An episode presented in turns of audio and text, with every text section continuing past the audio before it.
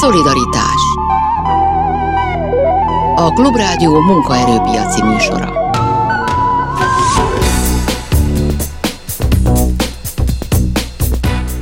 Jó napot kívánok, Sámeszi János vagyok. A mai teljes műsorban a nyugdíjasok helyzetéről beszélgetünk majd, leginkább a jelenlegi nyugdíjasokéről, de talán szót ejtünk majd a lendő nyugdíjasokról is. Három nyugdíjas szervezet vezetőjével beszéljük majd meg az infláció okozta nehézségektől egészen odáig a nyugdíjasok ügyét, hogy hogyan néz ki az ő ellátásuk a különböző intézményekben, és olyan mit tartogat a jövő. Már is kezdünk. Szolidaritás a vendégek pedig Hegyesiné Olsós Éva, az Életet az Éveknek szövetség elnöke. Jó napot kívánok! Jó napot kívánok! Juhász László, a Magyar Szakszervezeti Szövetség nyugdíjas tagozatának vezetője. Jó napot kívánok! És Meskó László, a Nyugdíjasok Országos Szövetségének elnöke. Köszönöm szépen, hogy itt vannak. Szép jó napot kívánok mindenkinek! És akkor nagyon aktualitásokról kezdjünk, mert ma például átlagbéradatok jöttek ki, de, de inflációs adatok is mindig kijönnek, amiből erőteljesen azt látszik, hogy ebben az országban mindenki sokkal kevesebbet érő bérből és fizetésből, vagy éppen nyugdíjból él, mint egy éve és mindkét éve. Úgyhogy nagyon röviden arra kérném önöket, hogy egy átlag nyugdíjas, ha létezik ilyen jelenlegi helyzetéről egy néhány szót mondjanak, figyelembe véve azt, hogy mennyi pénzből él, és ez mennyivel ér kevesebbet, mint mondjuk egy vagy két éve, Hegyesiné éve először, és aztán menjünk sorba. Hát mindenek előtt a tavalyi év, és ez az év rendkívül nehéz a nyugdíjasoknak az elszabaduló infláció miatt. Egy nyugdíjas fogyasztói kosárba legalább három terméknek kell beleférnie. Az egyik az élelmiszer, a másik a rezsiköltség, és a harmadik az egészséggel vagy betegségekkel kapcsolatos költségek.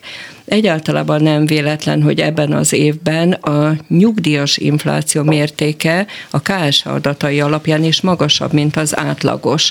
Tehát például januárban az átlag az 25,7% volt, míg a nyugdíjas 27,4%, tehát ez egy nagyon jelentős különbség, és februárban is azt tapasztaltuk, hogy másfél százalékkal magasabb.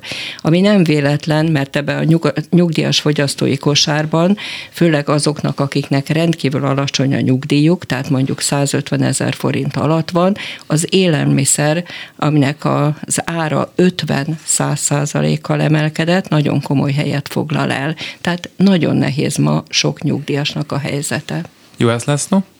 Hát én meg azt tudom mondani, hogy a, az infláció egyre jobban sújtja főleg a nyugdíjasokat, és a várakozáshoz képest sokkal lassabban csökken az infláció üteme, mint ahogy arra számítottunk. Például az első negyed évben összesen 7,1%-kal csökkent az infláció, tehát 27,4-ről 26,7-re. Ezek havi, havi adatok egymás után, amiket mondok.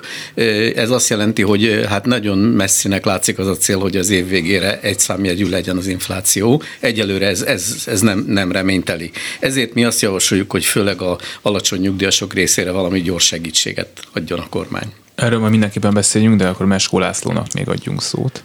Köszönöm. Tulajdonképpen azt hiszem, hogy annyit kell még ehhez hozzátenni, hogy nagyon nagy eltérés van nyugdíjakon belül is, megélhetéseken belül is, és bizony ez földrajzilag, szakmánként és sok más egyéb ok miatt nagyon különböző tud lenni. Ha a bérekhez hasonlítjuk, hasonlóan nagy különbségekről adhatunk számot, hiszen ott sokkal magasabb volt a béremelkedés, mint a, a nyugdíjasok esetében. Úgyhogy legalább 5-6 olyan szempontot kellene figyelembe venni, ami egy reális képet ad arról, hogy a szubjektív tényezők mellett mik azokat, amik meghatározzák ennek a nagyságát, mértékét. A, ahhoz, amit a Laci mondott, hadd mondja két számot. 2015 óta a legalacsonyabb jövedelmi tizedben ö, lévő nyugdíjasoknak a száma meg tízszereződött. 30 ezerről 300 ezerre növekedett a számok, ami egyszerűen hihetetlen dráma. A másik pedig az átlag nyugdíj aránya az átlag keresethez képest, erről beszélt a Laci, jelentősen csökkent 75% ról 44% ra Tehát nyugdíjas és nyugdíjas között, de aktív és nyugdíjas között is hihetetlen mértékben megnőtt a távolság.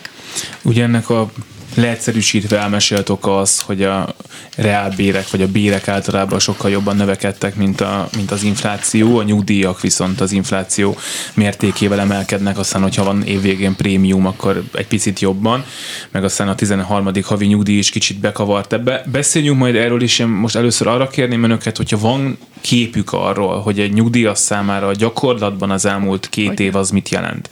Tehát, hogy sokkal kevesebbet ér a nyugdíja, mint korábban, ami nyugdíjemelés van, azt az infláció nagyon gyorsan megeszi, és akkor van egy várakozás, hogy majd mikor jön a, a kompenzáció, hát ha nyáron mostanában ez a szokás vált, vált gyakorivá. Ők hogyan élnek másként? Mit nem vesznek meg? Elmentek dolgozni többen, mint korábban? Szóval, hogy milyen megoldások vannak erre?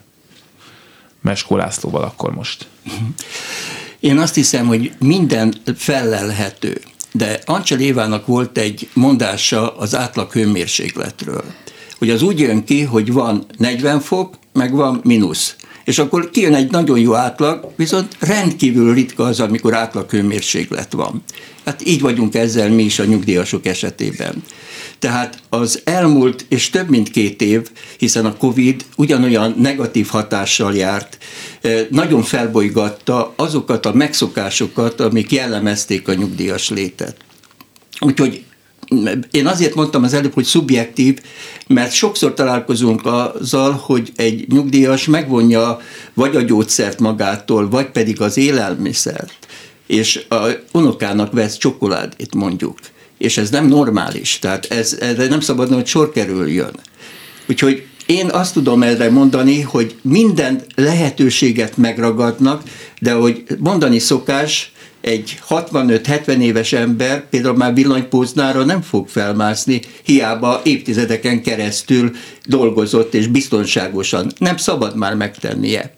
De hogyha megnézzük a buszoknak a sofőrjeit, látjuk, hogy hát az átlag életkoruk nem 30 körül van, hanem bizony túl az 50-en közelebb a 60-hoz. Mesko László a szubjektív érzésről beszélt, mivel én egyetértek, de hiszen számszerűen is tudjuk biztosítani, hogy bizonyos, bizonyos bocsánat, számszerűen is tudjuk bizonyítani, hogy a, a nyugdíjak vásárló értékét nem sikerült a kormánynak megőrizni. A tavalyi éves nyugdíjas infláció 15,2% volt, és 14% volt a tavalyra a halmozott nyugdíjemelés a kiegészítésekkel együtt számított hatását tekintve. Ez azt jelenti, hogy 1,2%-kal adós maradt a kormány. És ugyanez volt az előző évben, és akkor 3% volt ez a különbség. Na most ettől sokkal nagyobb probléma van, mint ezek a 10%-ok, mert ráadásul az is gond, hogy ez nem épült bele a nyugdíj alapba, mert és ezért a következő emelések hatásai sem erre rakódnak rá. Ezért gondoljuk azt, hogy ezt pótolni kell. Itt törvényi probléma van, törvénysértésben van a kormány, az egyik törvénye szerint. A TB törvény ugyan becsléssel írja elő a várható infláció megállapítását a 1-8 havi adatok alapján, és nem intézkedik arról, hogy az a becslés nem sikerül, mi legyen. Viszont a stabilitási törvény, 2011-ben elfogadott Magyarország gazdasági stabilitásáról szóló törvény határozottan úgy fogalmaz, hogy a nyugdíjak vásárló értékét meg kell őrizni. Ez a két törvény nincs teljesen összhangban egymással, ezt a másodikat a kormány nem tartotta be, ezért kérjük azt, hogy ez pótlólag történjen meg. Mindenek előtt nagyon lényeges, hogy mi nyugdíjasokról beszélünk, idősekről beszélünk, és sokszor mindazonáltal, hogy nincs átlag idős és átlag nyugdíjas, kevésbe beszélünk arról, hogy ez a nyugdíjas és idős társadalom mennyire sokszínű. Márpedig ez hihetetlenül fontos, és nem csak korát, egészségi állapotát, hanem anyagi helyzetét tekintve is. Tehát 2013 óta nincs járulékfizetési plafon, tehát dinamikusan emelkedik az 500-600 ezer forinton felüli nyugdíjak száma, az újonnan megállapított nyugdíjak száma, magas nyugdíjak száma emelkedik, sőt emelkedik az 1 millió forinton fölüli nyugdíjak száma.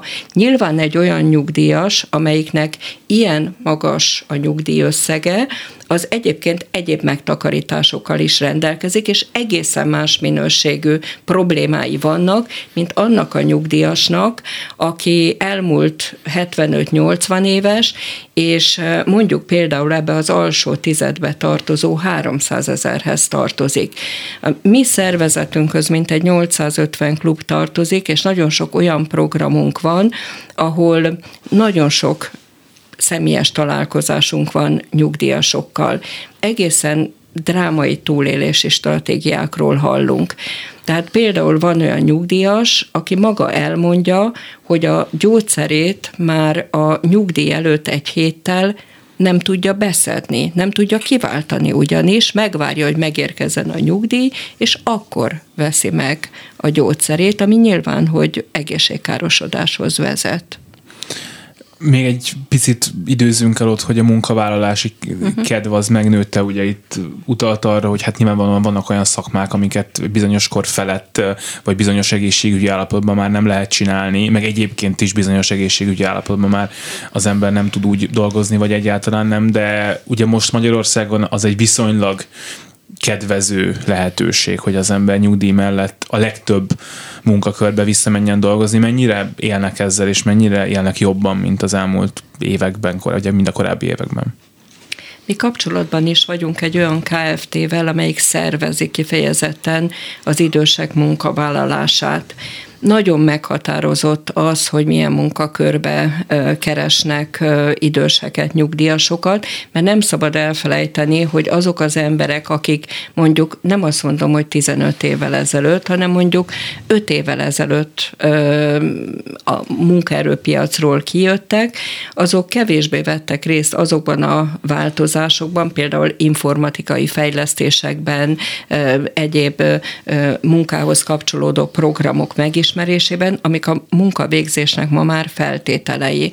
Tehát mi azt látjuk, hogy főleg azok az emberek vállalnak munkát, akik inkább körülbelül négy-öt évvel ezelőtt fejezték be az Tehát aktív időszak. Biztos, hogy nem. És van még egy nagyon lényeges dolog, hogy nagyon sok munkáltató él azzal a lehetőséggel, hogy szól a nyugdíjasnak, aki a nyugdíjkorhatár közelében van, hogy vegye igényben a nyugdíj, igénybe a nyugdíjat, de ő tovább fogja foglalkoztatni, hiszen sokkal kedvező feltételekkel tudja foglalkoztatni, eh, mint az aktív dolgozót.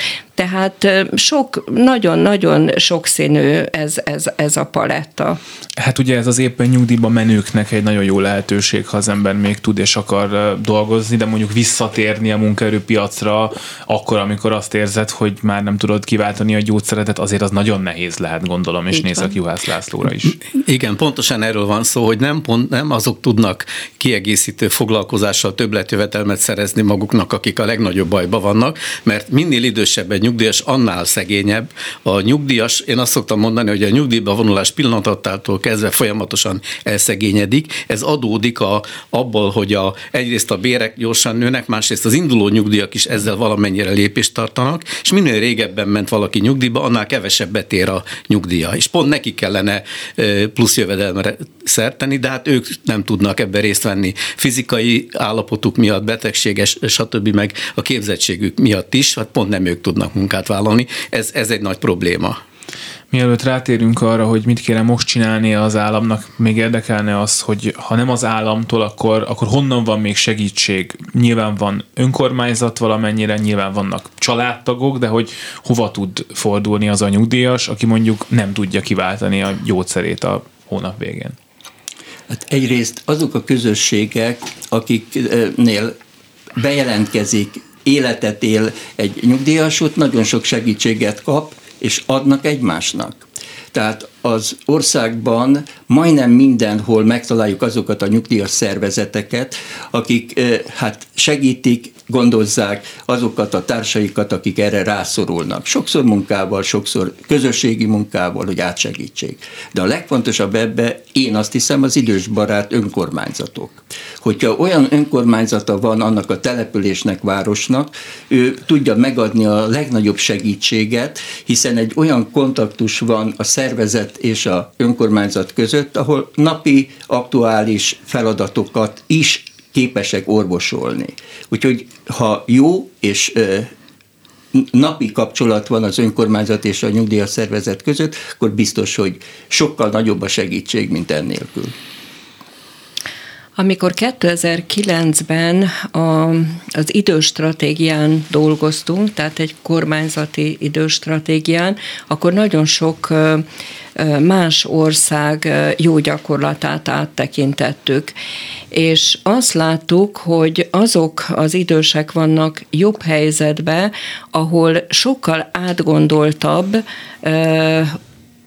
a helyi és a kormányzati politika arról, hogy hogyan kell fölkészülni az időskorra, és hogyan kell a legkülönbözőbb lehetőségekbe bevonni az időseket. Tehát például tapasztaltuk, hogy vannak olyan települések, ahol már a nyugdíjkorhatár betöltése előtt öt évvel végig gondolják, hogy azt a tudást, tapasztalatot, amivel az idős ember rendelkezik, hogyan lehet az adott településen máshol használni, hasznosan felhasználni. És ez hihetetlenül fontos, mert itt Magyarországon is szerencsére van sok jó példa, ahol azt látjuk, hogy például az idősek nagyon komoly jelző szerepet töltenek be abban, hogy mondják, hogy hol milyen probléma van, hol vannak olyan idősek, akik rászorulnak segítségre, sőt, családok, akiknek segíteni kell, vannak olyanok, akik például abban segítenek, hogy amikor a gyerekek iskolába iskolába mennek, biztonságosan tudjanak átkelni az úton, részt vesznek például az óvoda felújításba, függönyeket varnak, és ez, ezzel hasznosnak is érzik magukat. Juhász úr? Hát én arra hívnám fel a figyelmemet, hogy a nyugdíjasok, már elhangzott az adás elején, nagyon különböző helyzetben vannak, és minél idősebb egy nyugdíjas, annál nagyobb a problémája. Azért is, mert az infláció sokkal jobban sújtja őket, mint a egyéb fiatalabb nyugdíjas kortársait. Azért, mert a nagyon gyorsan növekvő élelmiszerárak miatt az ő alacsonyabb jövedelmüknek nagyobb hányadát költik a élelmiszerre, mint a többiek. Nem azért, mert többet vásárolnak, hanem azért, mert nagyon drágák az élelmiszerek. És erre egyelőre úgy néz ki, hogy nincs megoldás. Mi már 2020-ban javasoltuk, hogy legyen évközi nyugdíj kiegészítés, az emelés ugye elfogy év közepéig, annak a hatása. Abba az évben persze választ se kaptunk rá, de a következő évben megcsinálták, sőt tavaly már kétszer is volt. Az idén ezt javasoljuk újra, hogy, hogy hát a kormány vizsgálja föl ezt a 15%-os infláció inflációra épített tervét, és legyen korábban nyugdíj emelés kiegészítés, mint november. Ez, ez lenne az egyik segítség. Van egy nagyon lényeges dolog, amit Laci is említett, Meskó Laci is említett, de, de mondjuk ki, hogy volt olyan időszak, amikor volt lehetőség arra, hogy a rendkívül alacsony nyugdíjakat korrigálják. Ezt egy korrekciós program keretében valósították meg, ugyanis a, nagyon lényeges, hogy különböző években különböző korcsoportok, amikor elmennek nyugdíjba, sokszor ugyanannyi szolgálatével, ugyanolyan munkakörbe rendkívül eltérő nyugdíjösszeggel mennek el, és ebből a szempontból azok, akik régebben mentek el nyugdíjba, igen rossz helyzetben vannak, és ez nem arról szól, hogy ők kevesebbet teljesítettek, hogy velük valami gond lenne, tehát éppen az lenne a fontos, hogy nem mindenkinek van szüksége segítségre, de akinek nagyon nagy szüksége van segítségre, az megkaphassa ezt. Ugye itt két alternatíva merülhet föl megoldásként az én fejemben, aztán majd megbeszéljük. Ugye az egyik az az, amit nem szokott ez a kormány csinálni, hogy a nagyon rászorulók azok kapjanak többet, tehát meghatározni, hogy aki 150 ezer forintnál kevesebb nyugdíjat kap, az kapjon többet, vagy azt csinálni, ami sokkal bonyolultabbnak tűnik, de alig ha nem megoldható, hogy azoknak, akiknek azért alacsonyabb a nyugdíjuk, amit ön is mondott, mert régen mentek nyugdíjba, és akkor még olyanok voltak a reálbérek, ami alapján ezt kiszámolták, stb., hogy akkor ott legyen valami egyszeri kompenzáció, és azt mondjuk, hogy neked mostantól a nyugdíjad az ennyi.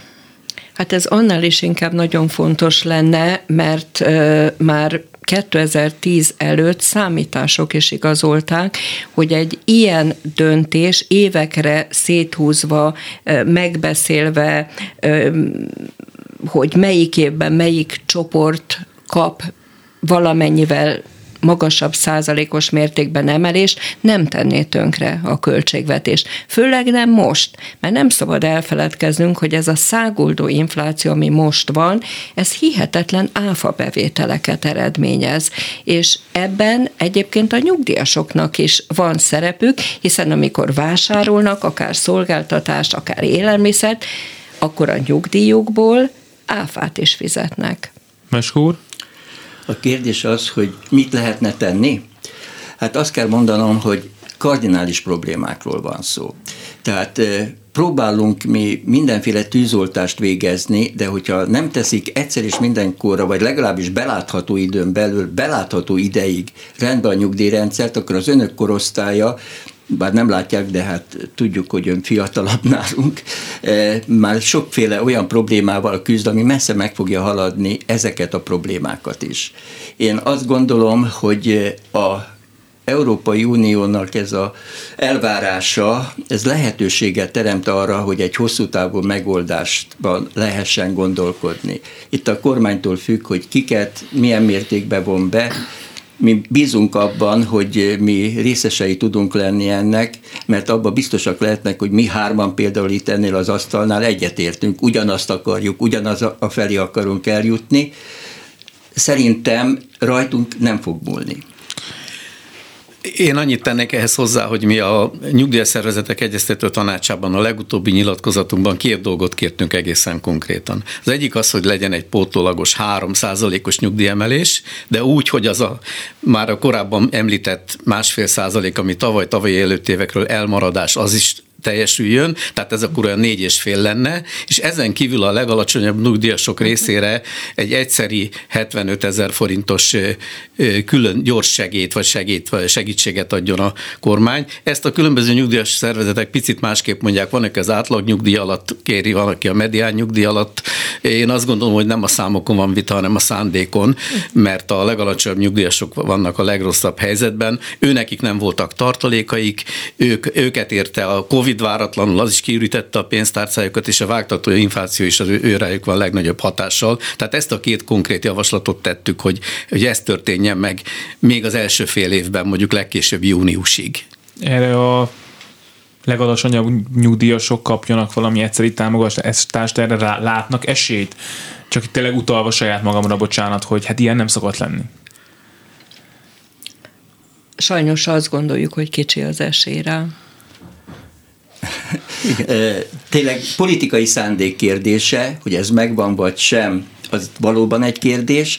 Én továbbra is azt hiszem, hogy annélkül, hogy bevonnák azokat a szervezeteket, akik mögött tagság áll, akik ismerik mondok egy példát, Hajdu Bagostól kezdve, ami egy kis település, és ahol négy nyugdíjas szervezet is képviselteti magát a önkormányzatban hogy ők egyetértenek. Tehát nem rajtunk múlik az, hogy bevonnak vagy nem vonnak be, Mindenképpen beszéljünk majd még érdekegyeztetésről is, meg a nyugdíjrendszer problémáiról a következő fél órában is. Hegyesini Olsó Sívával, Juhász Lászlóval és Meskú Lászlóval beszélgetünk a nyugdíjasok helyzetéről. Most hírek jönnek, aztán pedig folytatjuk. Szolidaritás Hegyesini Orsós Éva az Életed az Éveknek Szövetség elnöke, Juhász László a Magyar Szakszervezeti Szövetség nyugdíjas tagozatának vezetője, és Meskó László a Nyugdíjasok Országos Szövetségének elnöke van itt velünk a stúdióban, és nyugdíjasokról beszélgetünk, és ott tartottunk, hogy mit kéne most csinálni azért, hogy a jelenlegi terheket enyhíteni tudja az állam, és Juhász László van még maradt mondani való azzal kapcsolatban, hogy ha ezt a két követelést a kormány teljesíteni, legkisebb nyugdíjasoknak támogatás, illetve egy előrehozott kompenzáció, akkor az mibe kerülne, és hát mondjuk az is egy kérdés, hogy mennyit segítene.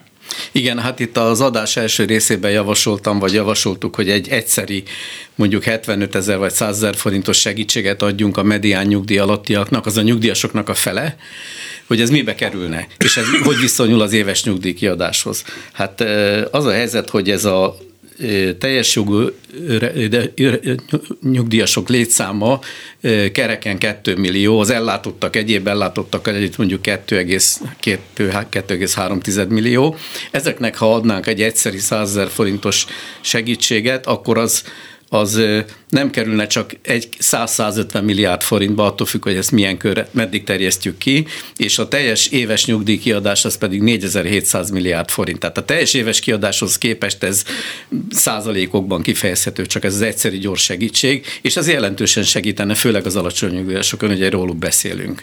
A nyugdíjemelés az meg egy 3 os nyugdíjemelés, hát 1 százalék nyugdíjemelés az annak a hatása az ugye hát azt mondtam, hogy 4700 milliárd, az 47 milliárd, az akkor 3% az további 100, 150 milliárd forint lenne, ami még mindig csak 5 tized százalék vagy egy, egy százalék a teljes nyugdíjkiadásnak. Tehát fillé, szinte fillérekről beszélünk, és ahogy a Mesko László is mondta, ez politikai szándék kérdése, hogy ezt megtesszük-e, vagy nem, meg tudná tenni az ország. Van ebben pénz, mint ahogy elhangzott, hogy a megnövekedett áfa bevételekből is akár lehetne a forrás.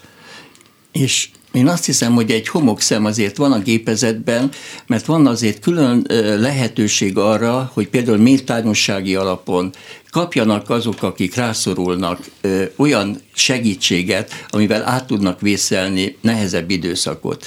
Na most ezt az elmúlt években soha nem költötték el, nem adták ki, odafigyelve biztos, hogy a rászorulóknak is lehetne segíteni az életén ugye szkeptikusak voltak abban, hogy egy ilyen egyszeri segítség a legnehezebb helyzetben lévőknek az jön-e, viszont a nyári előrehozott, de hát mondjuk most már az elmúlt évek tekintetében megszokottnak mondható kompenzáció viszont alig, ha nem lesz, meg hát muszáj is, hogy legyen most nagyon csúnyán mondva. Hát abszolút legyen, hiszen januárban 15%-os emelést kaptak a nyugdíjasok, és az infláció, ahogyan már erről beszéltünk, és különösen a nyugdíjas infláció, az ebben az évben, az első négy hónapban egyszer sem volt 26% alatti.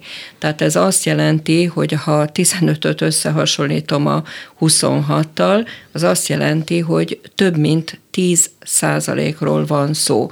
És ugye nem utolsó sorban itt az a legnagyobb dráma, hogy vannak, akik tényleg ebből a nyugdíjból csak a rezsit meg az élelmiszer tudják megvásárolni. És azért gondoljunk tényleg bele abba, hogy itt idős emberekről van szó, és egyre több olyan szolgáltatás van, egészségügyi szolgáltatás, ami nem érhető el, és nagyon sok idős embernek most van erre szüksége, és vannak olyanok, akik ezt nem tudják megfizetni, nagyon sokan vannak, és olyanok is, akiknek a családja sem tud ehhez hozzájárulni. Tehát az életminőségről van szó, sőt, az élet esélyekről Erről mindenképpen beszélünk, de egy dolgot még akarok kérdezni. Ugye nagyon sok kritika érte a nyugdíjrendszert amiatt, mert hogyha alacsonyabb inflációt becsül meg a gazdasági minisztérium az év elején, mint amekkora a valóságban az lesz, akkor mindig jó sok ideig a nyugdíjasok kvázi hiteleznek az államnak, uh-huh. aztán ezt valamennyire az év végén visszakapják. De hogy most, amikor itt ilyen 20% feletti inflációs adatokról beszélünk hónapról hónapra, akkor nekem az látszik, és hát nyilván a kormány is azért reagált azzal, hogy a nyáron is már kompenzálja a nyugdíjasokat, hogy ez a rendszer így egy ilyen helyzetben nagyon rosszul működik. A korábban kritizált rendszer, sőt, valószínűleg nem működik. Ki lehet ezt így mondani, és kell ezzel valamit kezdeni most, vagy van erre megoldás, hogy ne az legyen hónapról hónapra, hogy várjuk azt, hogy hát az állam végre csináljon már valamit, vagy a nyugdíjas várja azt, mert nem tudom, már két havi rezsiszámlával tartozik, és ott van a gyógyszer is. Hát azt gondolom, hogy nyugodtan ki lehet jelenteni, hogy tavaly és idén a nyugdíjemelésnek ez a módszertana nem működött.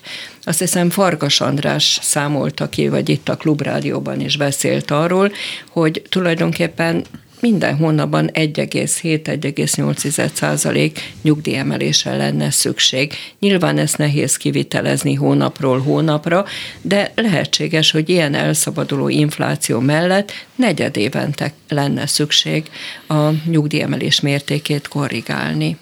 Mit gondolnak? Hát én ezzel egyetértek teljesen, Farkas Andrással is, meg az előbb elhangzottal is. Én úgy gondolom, hogy a nyugdíjrendszernek a legnagyobb problémája az, hogy komolyabb hatástanulmányok nélkül vélt vagy valós politikai előnyszerzési okokból rángatják ezt jobbra-balra, és apróbb, én úgy hívom, barkácsolás történik ezzel a törvényel. Egy elemét megváltoztatják, anélkül, hogy megnéznék azt, hogy milyen kihatása van az egész rendszerre. Ez zajlik másfél évtizede.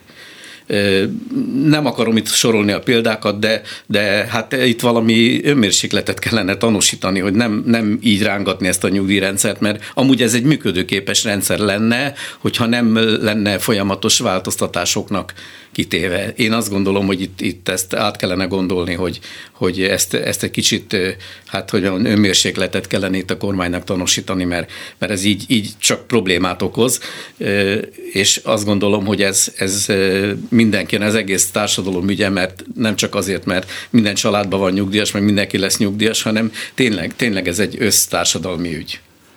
Én azt gondolom, hogy valóban kell prompt azonnal intézkedéseket hozni. De amit az előbb említettem, hogy annélkül, hogy ne tisztáznánk, ne tennénk le az alapokat, ne lennének olyan közös kiindulópontok, amikre építkezni lehet. Nem tudjuk megoldani ezt a problémát, ami egyre nehezebbé és egyre elviselhetetlenné elviselhetetlenebbé teszi nagyon sok ö, polgártársunk ö, életét. Én ö, úgy gondolom, hogy ha most megkérdeznénk eh, egy kis közvéleménykutatás keretében, hogy mi az, hogy nyugdíj? Sok-sokféle válasz születne erre. Ki mit ért alatta? Ki mit akar ettől? Vagy eh, az, e- én nagyon sokszor találkoztam, amikor mondjuk politikusokkal beszélgetve szóba került, hogy milyen alacsonyak a nyugdíjak, hogy tehát mi nem tudjuk, hogy ő mennyit dolgozott külföldön, hát onnan van egy másik jövedelme. Mi nem tudjuk azt, hogy a, neki vannak még lakásai, és abból van jövedelme, hát akkor most ez nem lenne igazságos.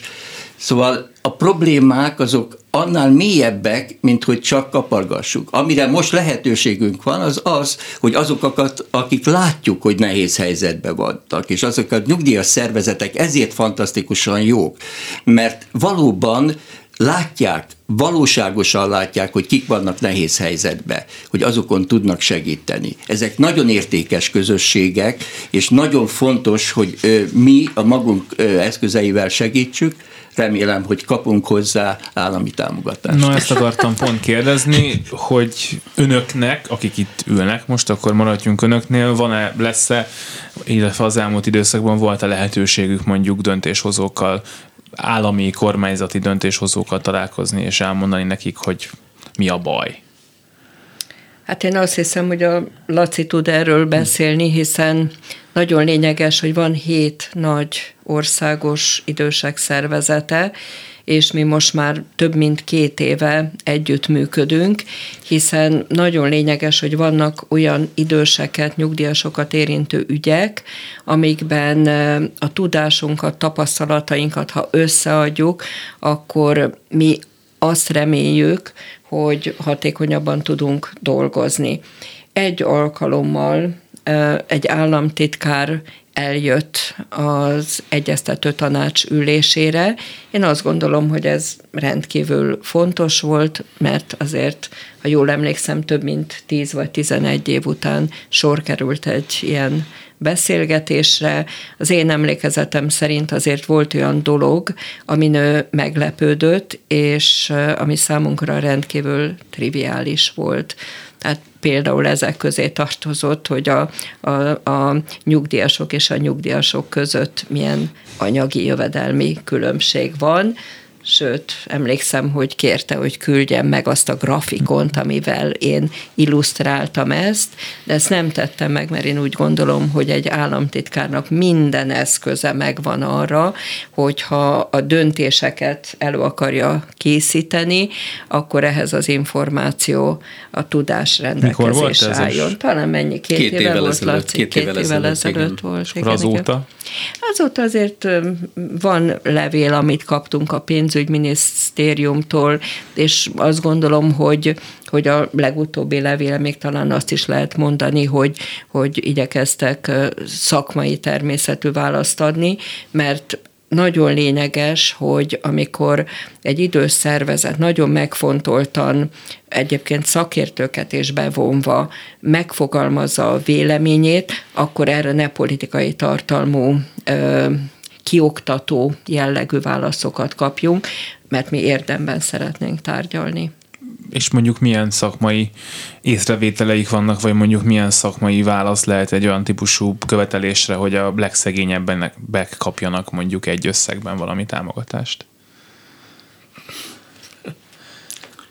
Mondhatnák például azt, hogy csinálnak egy alapos állományi elemzést, hogy kiterüljön, hogy a, de akkor a nem számok mondják. mögött, de nem, nem, nem mondják. Egyébként ehhez hadd tegyek hozzá egy dolgot, ami egyébként nem csak a nyugdíjasokat érinti, mert itt járjuk körbe ezt a problémát, de nagyon lényeges, hogy, hogy van-e szolidaritás tehát például nyugdíjas és nyugdíjas között, aktívak és nyugdíjasok között. És én az egyik legnagyobb drámának, de ugye említettem itt az előbb beszélgettünk, hogy akár nyugodtan azt mondom, hogy bűnnek tartom, hogy a társadalomnak ezt a szolidarisztikus hálóját veszítjük el, vagy, vagy ez szakad szét. És itt nagyon-nagyon lényeges, hogy az emberek ne egymás ellen forduljanak, hanem jól látszik, hogy akinek alacsony a nyugdíja, sokkal bonyolultabb, hogy mi van emögött, mint amit eh, hirtelen valaki rátámadva elmond, tudni, hogy nem dolgozott eleget, stb. stb. Nem erről van szó, sokkal bonyolultabb ez a, ez a dolog, és én hihetetlenül fontosnak tartom, és azt gondolom, hogy a nyugdíjas szervezetek is sokat tehetnek azért, hogy az egymás iránti szolidaritás és meger, meg, megértés az erősebb legyen. Szóval én azt gondolom, hogy fontos, fontos ez a kapcsolat, ha a legfelsőbb szintről nem is jön választ, vagy, vagy, vagy leadják is alsóbb szintről, mert ez az a szint, ahol lehet szakmai egyeztetést folytatni. Tehát ez a helyettes államtitkár, államtitkári szint és az ő főosztályvezetője, uh-huh. meg lehet tudni, hogy milyen munka folyik a minisztériumban, vagy minisztériumokban, uh-huh. nyugdíjas ügyben, milyen témák vannak előkészítés alatt, lehet adatokat kérni, tehát fontos ez a kapcsolat, és az, hogy egyáltalán eljött ide a Városligeti Fasor 46-48-ba egy államtitkár vagy helyettes államtitkár, hát az elmúlt tíz évben erre nem volt példa se előtte, se azóta, de hát ezt folytatni akarjuk ezt az együttműködést, mert ők is értékel. Igen, igen, igen, igen, igen, és ők is igénylik, hogy egy, egy nagyon nagy létszámot tömörítő hét szervezet mögött ugye több százezer tagdíjat fizető nyugdíjas tag van, hogy annak a életkörülményeit, hangulatát érzékeljék, ez nekik is fontos visszajelzés, tehát ez egy, ez egy mind a két rész fél, fél részére előnyös kapcsolat. Hát bocsánat, csúnyán fogok mondani, fogjuk. de hát itt szavazatokról is van szó. Tehát azért a politikának nyilvánvalóan fontos kell, hogy legyen az, hogy a nyugdíjasok hogy érzik magukat. 13. havi nyugdíj az nem véletlenül kerül elő a, a választások előtt, tehát hogy itt azt gondolom, hogy itt hát, hát van egy érdekközösség a nyugdíjas szervezetek és a mindenkori kormány között azért sok szempontból. Mert hogyha erről beszélünk, akkor azt mondhatjuk, hogy magánemberként nyilvánvalóan van egy saját véleményünk, de mint szervezeti vezetők azért azt kell, hogy mondjuk, hogy minden politikai szín képviselteti magát a szervezeteinkben. De a problémák azok pártól politikától függetlenül megvannak. Az elképzelésünk az, és ezt már megbeszéltük, és hogyha hallották, hogy egymás keresztnevén szólítjuk, ez azért van, mert hosszú évek óta ismerjük egymást, dolgoztunk együtt, tehát a személyes lehetőségeinket jól ismerjük. A Nyugdíjasok Országos Szövetsége az most tartotta az elmúlt nap az első elnökségi ülését a megválasztásuk óta, és ott kifejezett szándékként rögzítettük, hogy fölveszük a kapcsolatot az életet az évekkel, és a, egész pontosan a szakszervezeteknek a nyugdíjas tagozatával, de azzal a tömörüléssel, amelyikben, mint ahogy Laci említette, heten már benne vannak. Én azt hiszem, hogy így közösen sokkal nagyobb hatást tudunk kifejteni. Egyébként mi is ilyen államtitkár, államtitkár helyettes szintig jutottunk el, illetve a Magyar Nemzeti Bank, akik ugyancsak rendszeresen készítenek többek között nyugdíjjal kapcsolatos elemzéseket, volt megbeszélésünk valóban úgy, hogy szakmai jellegűek, tehát ahol megpróbálunk közös nevezőre jutni. Hát remélem, hogy hamarosan lesz egy érdekvédelmi tanács, mint a munkavállalók, munkáltatók és a kormány között, mert szükség van rá. Tehát egész egyszerűen a, a problémák olyan halmaza van, amit lehetetlen annélkül, hogy a legérintettebbek ne, kapnak, ne kapnának ebbe szerepet. Hegyesi Neorsós Éva már utalt arra, hogy nagyon sok nyugdíjasnak pénzért kellene vagy muszáj egészségügyi szolgáltatást igénybe vennie és hogy ezt a család összedobja, vagy nem dobja össze, és azt gondoltam, hogy egy picit beszéljünk erről, mert amikor mondjuk ebben a műsorban egészségügyi dolgozókról beszélünk, szociális dolgozókról, idős gondozásban dolgozókról, és az ő ügyfeleikről, akkor egyébként nagyon nagy részt nyugdíjasokról is beszélünk, vagy róluk beszélünk főként, hiszen a egészségügyi ellátást, ahogy idősödik az ember, úgy fogja egyre gyakrabban elővenni. Tehát magyarán, hogy azért a nyugdíjrendszeren túlmutató problémák, azok rendkívüli módon érinthetik a, a nyugdíjasokat, és hát éppen ezért gondolom én, de hát ezt mondják el önök, hogy egy nagy egészként kell ezt a történetet kezelni, nem elég több nyugdíjat adni, hogyha közben a kórház meg szétesik a város szélén, ahova el kéne menned, sajnos egyre többször. A mi szervezetünkben, amikor arról beszélünk, hogy mire van szükség ahhoz, hogy jó minőségű időskora legyen valakinek, akkor először azt mondjuk, hogy szociális biztonságra van szükség, vagyis fontos a jövedelmi biztonság. Második helyen azt mondjuk, hogy fontos, hogy milyen egészségi állapottal éli meg a nyugdíjas kort és a nyugdíjas éveket, milyen esélye van az egészségét helyreállítani, a betegségét kezelni. A harmadik az a közösséghez való jog, tehát hogy ne magányosodjon el, és a negyedik, amit mi mondani szoktunk, ez, hogy legyen lehetősége értelmes, értékes tevékenységre. Na most a második helyen van az egészség, és ahogyan ön mondta, a kor előre haladtával, igen, ez rendkívül fontos.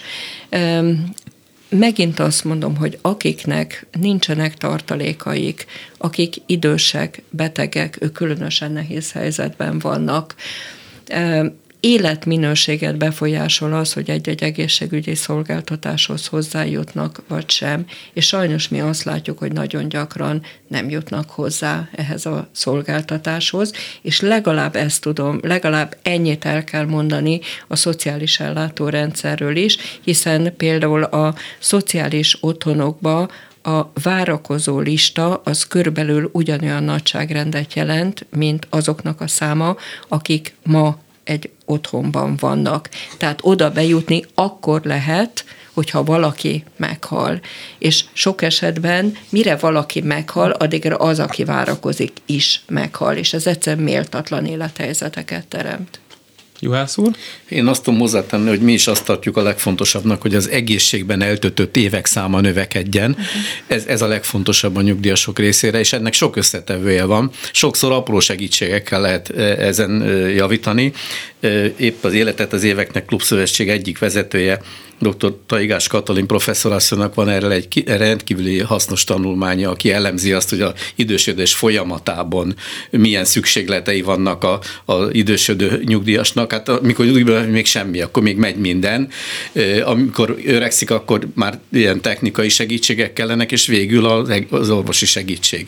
Ezt ő úgy foglalta össze, hogy go, slow go és no go szakaszra osztotta az idősödés folyamat. Tehát, tehát a go, amikor még minden megy, hát amikor nyugdíjban az ember másnap még nem történik semmi.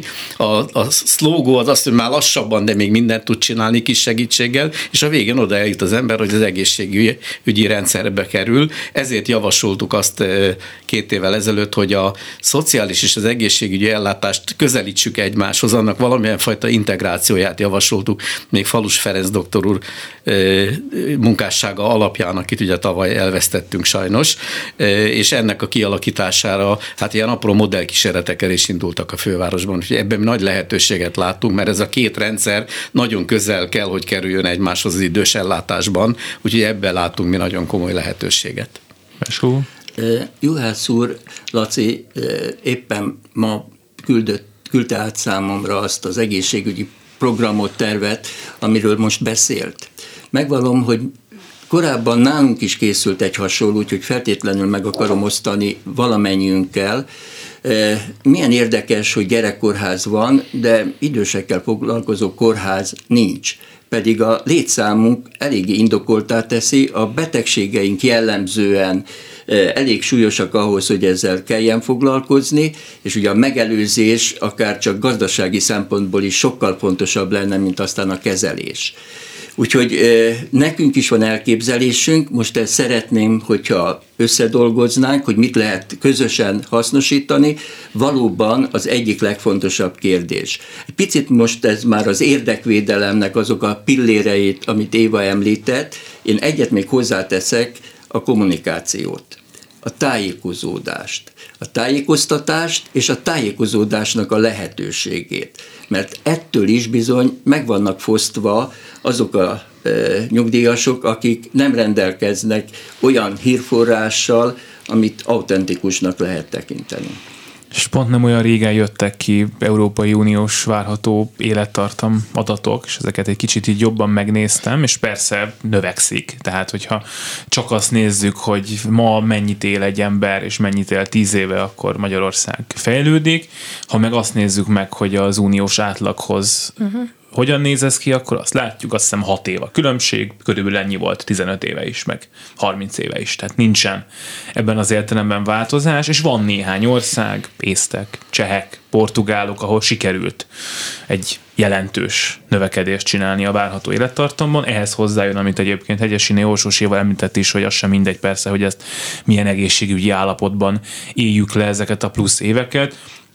Úgyhogy én itt a végén valami olyasmit szeretnék megkérdezni, hogy hogyan lehetne azt megcsinálni, hogy tovább éljünk, és tovább lehessünk egyébként boldog nyugdíjasok, és olyan körülmények között hasznos tevékenységeket folytatva, miért egyébként érdemes is ezt a remélhetőleg hosszabb életünket eh, végigélnünk. Szóval, hogy mit tudunk csinálni, hogy 10 év, 20 év, 30 év múlva egy kicsit jobban nézzenek ki ezek a számok.